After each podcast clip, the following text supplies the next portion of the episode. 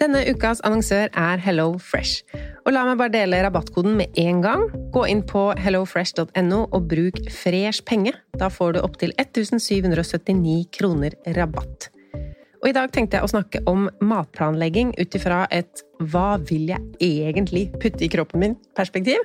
Altså ikke hva som er godt, men hvor mange ganger i uka vil jeg spise fisk, f.eks.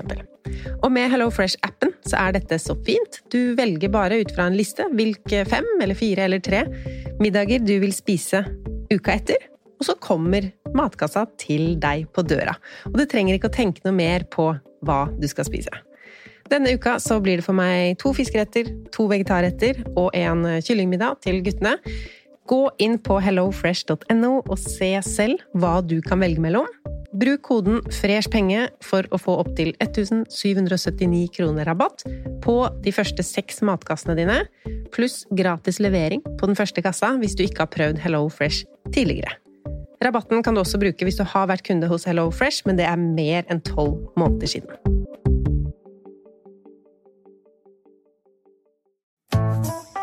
Har du et enkeltpersonforetak eller en liten bedrift? Ikke det? Nei. Nei, men da holder vi det enkelt og gir oss her. Fordi vi liker enkelt. Fiken superenkelt regnskap.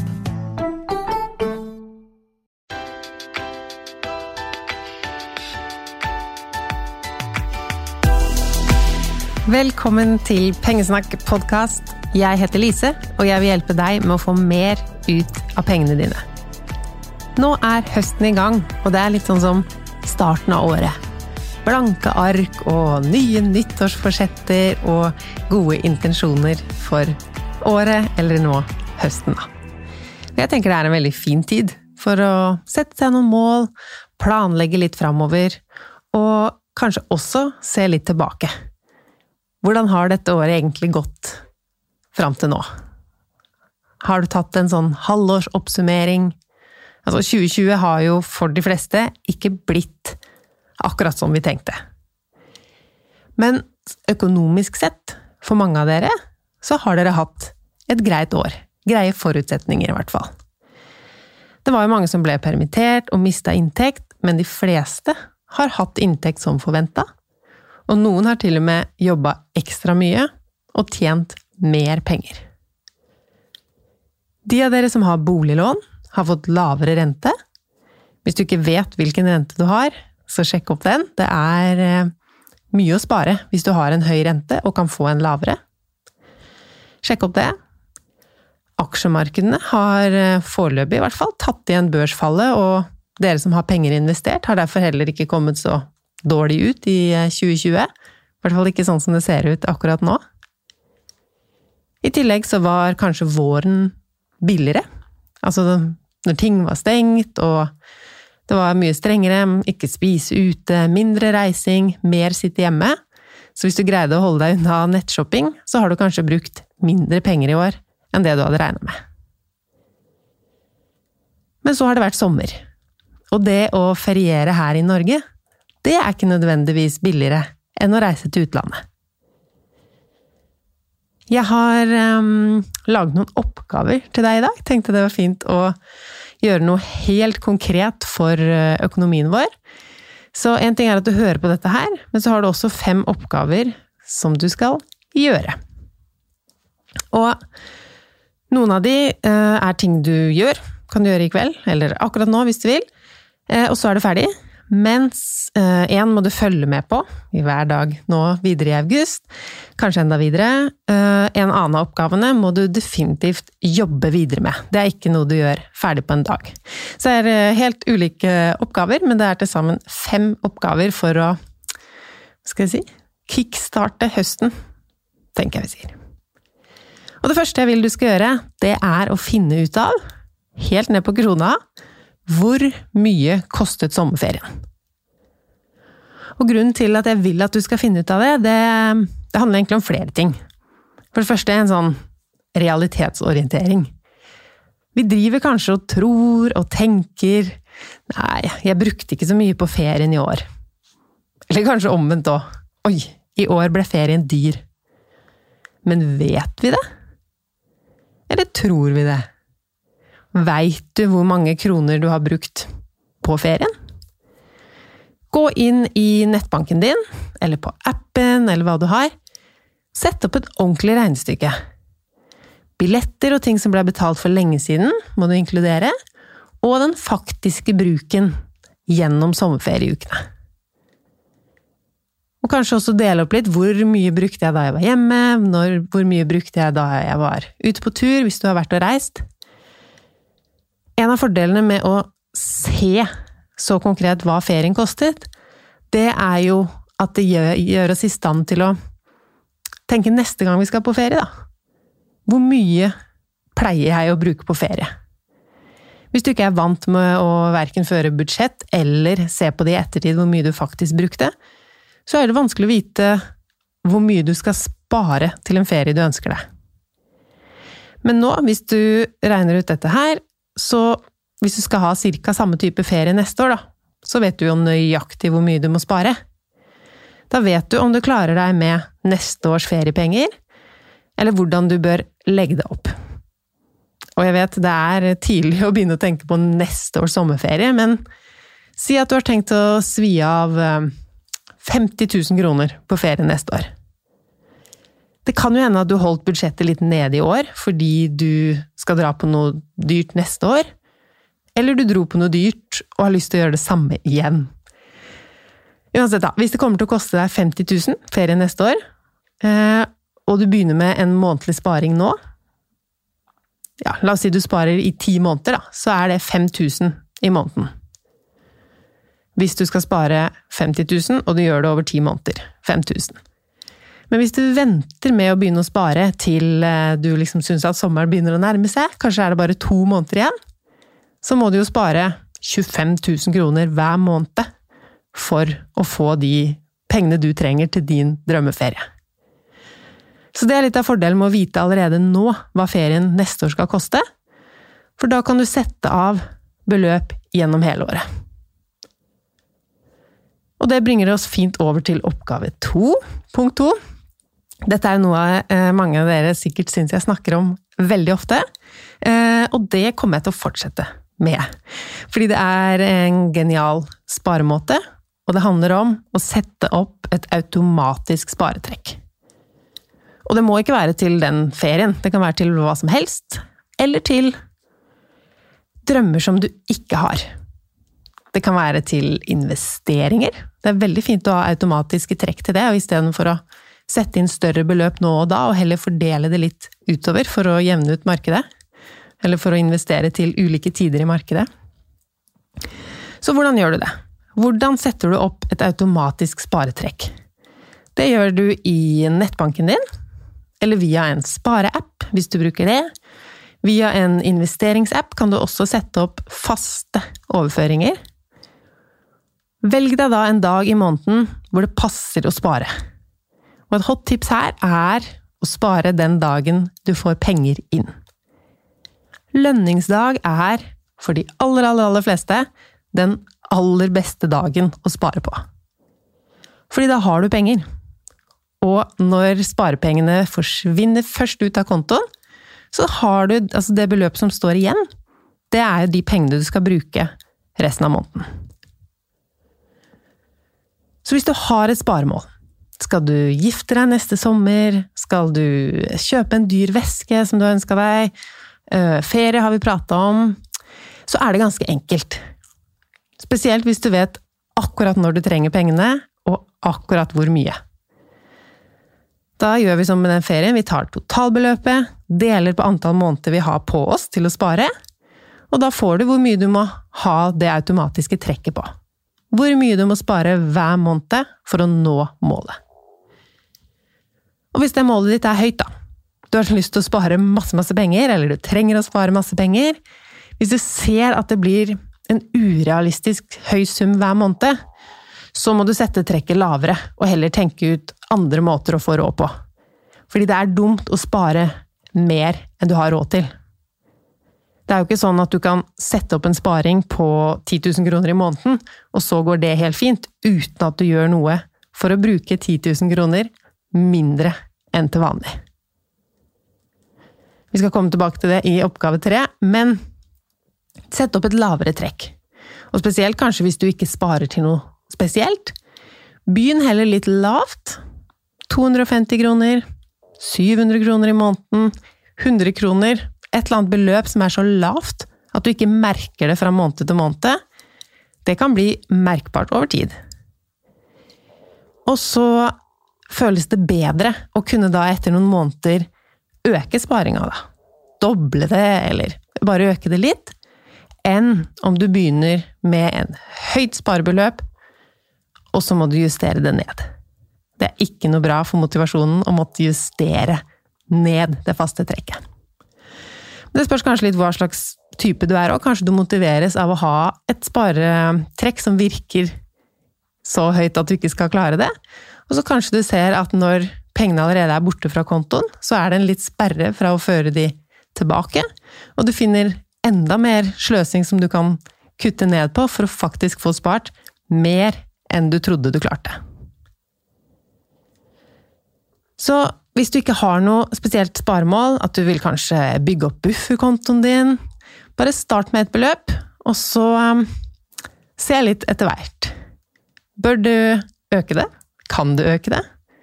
Gjør det noe om du sparer enda litt mer? Fordi da har du sparepenger den dagen du finner noe dyrt som du har lyst til å gjøre. Ingenting føles så godt som å ha penger på konto idet drømmene dine oppstår. Så etter punkt én, finne ut hva ferien koster deg.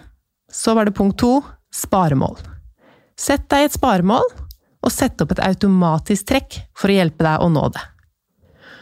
Og det er jo ikke sånn at et sparemål må være et mål om penger, altså et beløp du skal bruke innen en bestemt dato. Det er lov å spare til ingenting, som sagt.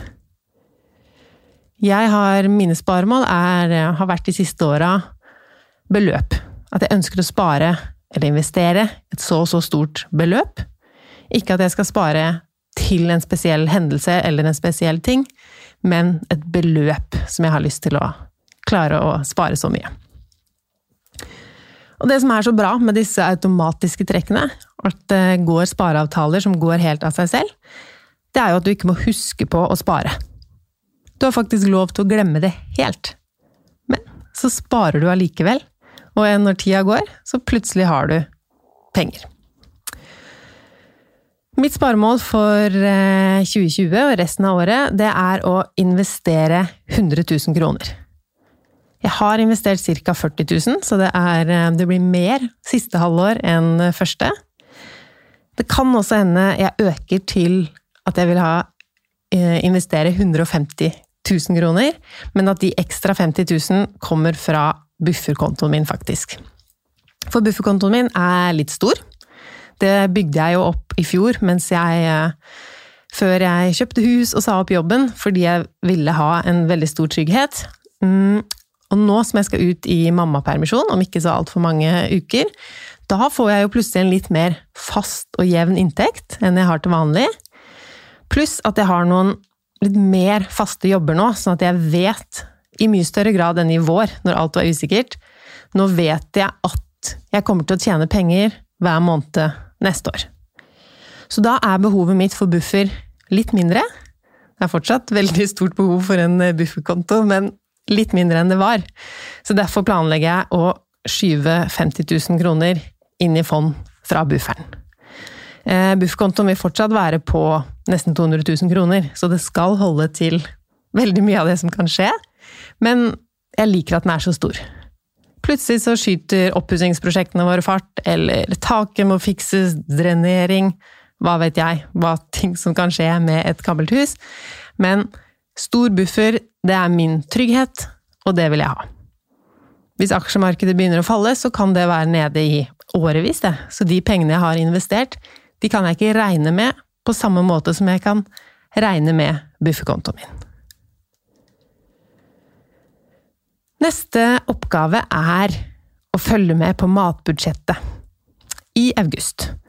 Og det er kanskje rart at jeg sier det nå, vi er godt inne i måneden allerede. Men hvis det er aller første gangen du skal følge med på matbudsjettet ditt, så er det faktisk bedre og lettere å starte matbudsjettet litt inn i måneden enn å skulle klare 30 dager første gangen. Eh, Det gjelder budsjett generelt, hvis du har lyst til å plutselig budsjettere Altså hvis du har lyst til å lage et helt budsjett for hele måneden. Når er Når måneden har starta, så veit vi mer om hvilke utgifter som kommer. De regningene som forfaller i august, de har du mest sannsynlig allerede mottatt. Kanskje jeg òg skal lage meg et budsjett for resten av august nå. Ehm, det kan jeg gjøre. Og så legger jeg ut på bloggen, og så kan vi følge opp med regnskap når måneden er slutt. Eh, Jeg har jo valgt egentlig å bare føre matbudsjett i år, fordi det er det jeg hadde lyst til å følge med på. Jeg hadde lyst til å følge med på matbudsjettet for å klare å tweake og se um, hvordan og hvor mye vi bruker på mat. Og det er faktisk veldig bra. Det er ehm, Jeg har oppdaga at det er veldig stor forskjell på å tro at man har kontroll på utgiftene, til å faktisk følge med på dem.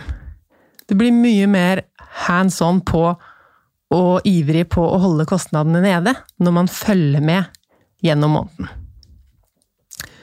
Vårt matbudsjett, det har vi, eller jeg da, det er jo jeg som driver med dette her i vår familie, jeg har økt det til 4500 kroner. I tillegg så la vi i sommer på et kosebudsjett på 1000 kroner. For i vår familie så er det sånn at vi regner alt spiselig som mat. For eksempel så tok Tom og svigermor med sønnen vår på hans aller første kino i sommer. Og da sendte jeg med penger til popkorn. Og det går på matbudsjettet. Og i juni så var Tom og jeg på date. Og det gikk også på matbudsjettet, for vi spiste jo mat. Så de 4500 kronene vi har i matbudsjett, det er stramt når man skal gjøre noen sånne ekstra ting. Men samtidig så vil jeg ikke endre på det at vi har alt spiselig på matbudsjettet. Jeg syns det er veldig greit å ha det som spises, er mat. Vi kunne jo for eksempel hatt takeaway og restaurant på et eget kosebudsjett, eller hva jeg skulle kalt det. Det er det mange som har, og det kan du også gjerne ha. Du må bare tenke litt på hvordan du gjør det, og hvorfor du gjør det du gjør. Jeg er jo egentlig ikke så interessert i å spise mye takeaway. For jeg er ikke den type som spiser sunn takeaway. Så det er ikke noe poeng at jeg egentlig skal bruke penger på det i det hele tatt. Eh, Så derfor syns jeg det er bedre å ha det samla i matbudsjettet. For da er jo det jeg måler det opp imot, er mat på matbutikken. Så hvis jeg har en kvittering, da, at jeg har brukt 280 kroner på pizza eller sushi eller McDonald's McDonald's har jeg faktisk vært på i hvert fall fire, kanskje fem ganger etter jeg ble gravid. Elsker den pommes frites. Elsker den isen med Nonstop oppi. Ja, samme det. Men når jeg ser disse beløpene i matbudsjettet, så blir det mye lettere å tenke hvor mye digge saker hadde jeg kunnet kjøpt på matbutikken for den samme summen? For på matbutikken så står jeg jo og tenker å, den er fire kroner billigere, da prøver jeg kanskje det syltetøyet, eller hva nå det er. Men når jeg først bestiller takeaway eller er på restaurant, så er det plutselig helt andre priser, og jeg kan finne på å betale liksom øh, mer penger for en sånn bitte liten cola enn jeg ville gjort for en halvannen liter på butikken, bare fordi de andre prisene på menyen gjør at det ikke virker så dyrt. Eh, eller at det ikke kommer like godt fram hva ting koster før jeg bestiller det. Så eh, i august så har jeg som mål å holde meg til eh, matbutikken. Og hvis jeg gjør det, så kan jeg jo kjøpe veldig gode saker der. Istedenfor å bruke opp matbudsjettet på restauranter og takeaway, og så måtte spare inn alt på matbutikken. Så oppgaven til deg er å finne ut hva du vil ha i matbudsjett. Hvor mye penger skal du bruke på mat i august? Hvis du hører på dette en eller annen gang seinere, så velg den måneden du er i nå. Gå inn og sjekk hvor mye du allerede har brukt. Eh, Du kan også gå noen måneder tilbake hvis du lurer på hva, hva bruker jeg vanligvis, eller hva er et realistisk matbudsjett for meg? For det er jo ulikt hvor mye penger vi har lyst til å legge på mat. Det må jo ikke være sånn at du skal bruke minst mulig, men se kanskje noen måneder tilbake hvor store svingninger er det, og du kan jo også finne ut om du har et sparepotensial som du av og til vil bruke, da. Si at du nå har det veldig greit økonomisk, og du kan kose deg med all den maten du vil, men hvis du veit at hvis du får et sparemål eller en bot eller et eller annet som gjør at du må spare litt, så vet du at du har muligheten til å senke matbudsjettet.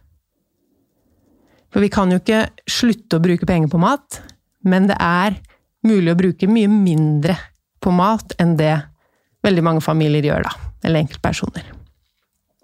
Så finn ut Du kan også gå inn på den eh, SIFO, Statens institutt for forbruksforskning, gir ut hvert år et sånt referansebudsjett.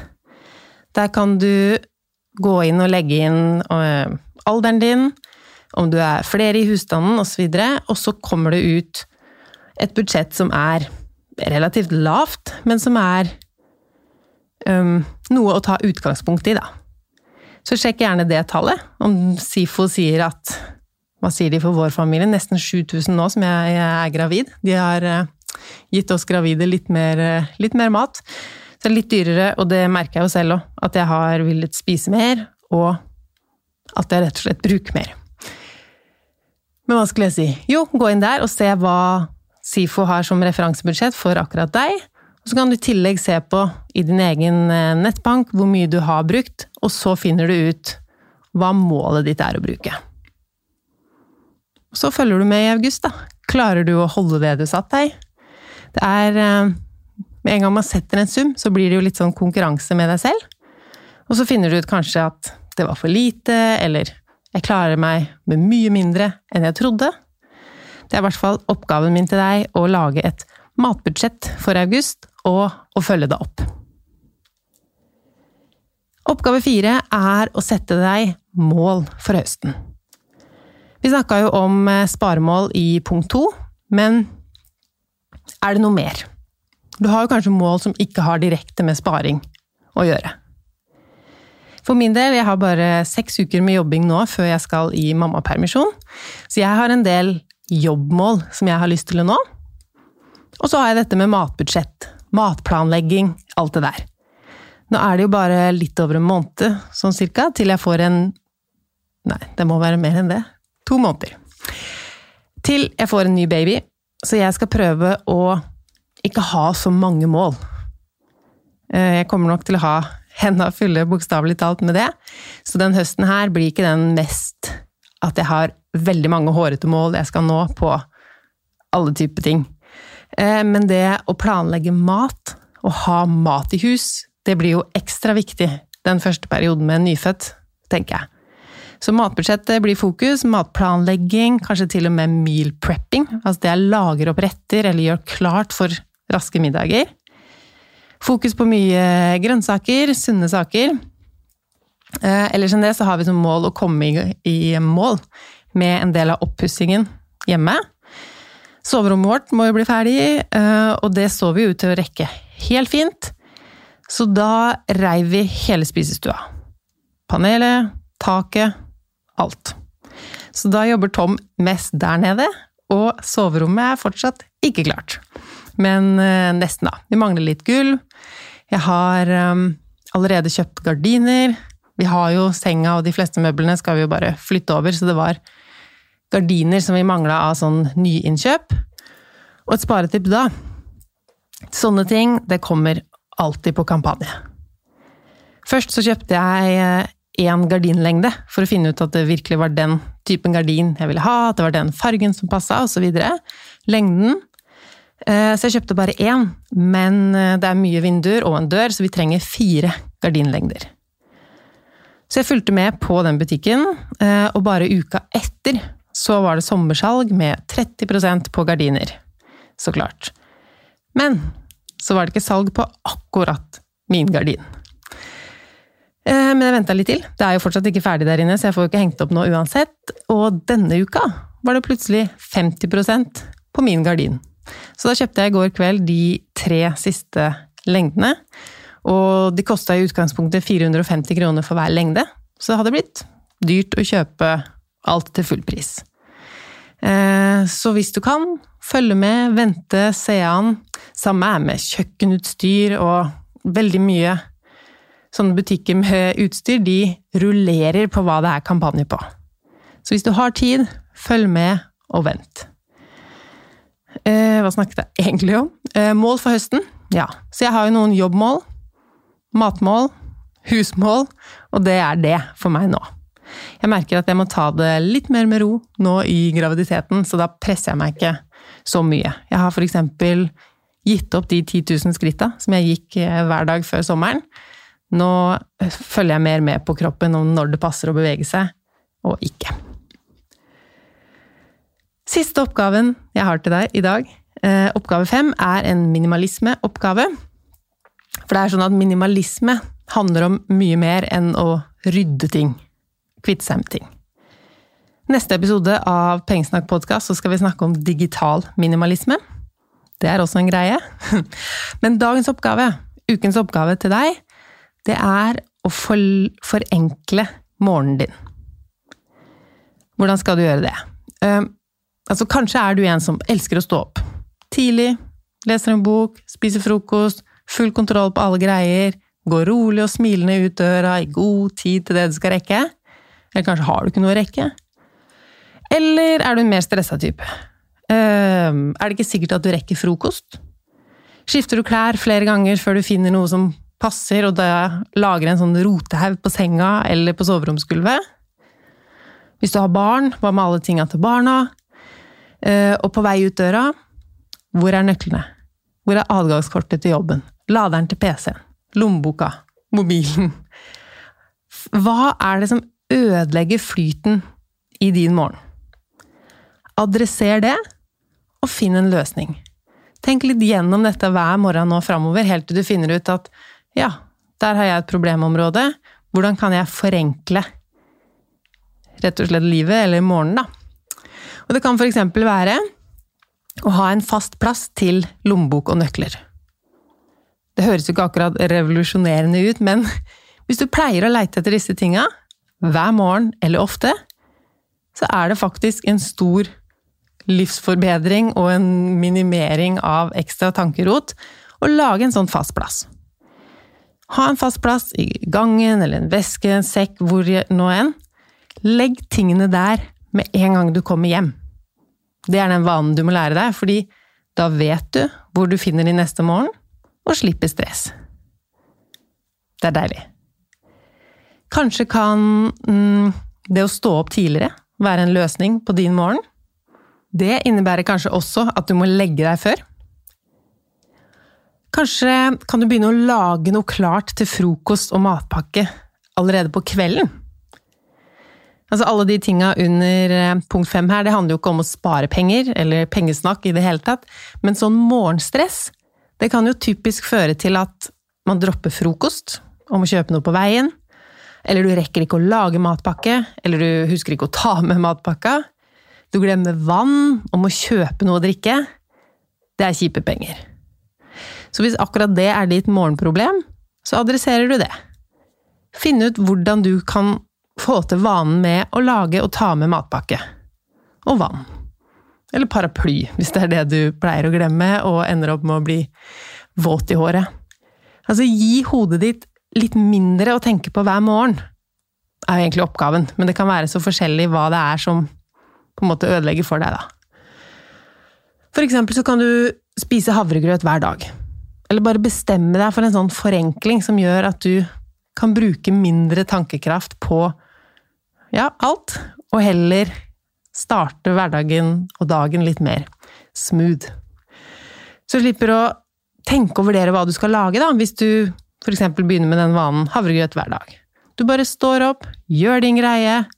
Om det er å koke egg til matpakka mens du dusjer, om det er å innføre at barna skal kle på seg selv, eller om de er store nok til å lage sin egen matpakke. Et eller annet som gjør morgenen bra, så kan hele høsten din blir bedre. Det var kanskje litt mye å love, men jeg følte at det var en bra avslutning. Vi snakkes neste mandag her i podkasten. Eller jeg snakker, du høres. Eh, de fem tingene har jeg også skrevet på i det nyeste blogginnlegget på pengesnakk.no. Så hvis du har allerede glemt noen av de fem oppgavene, så kan du gå inn på pengesnakk.no og finne de der. Um, så kan vi snakkes på Instagram. Der heter jeg Pengesnakk. I Facebook-gruppen vår Pengesnakkerne går diskusjonene som vanlig. Hvis du ikke er med i Pengesnakkerne-gruppa, så er du velkommen der. Ha det bra!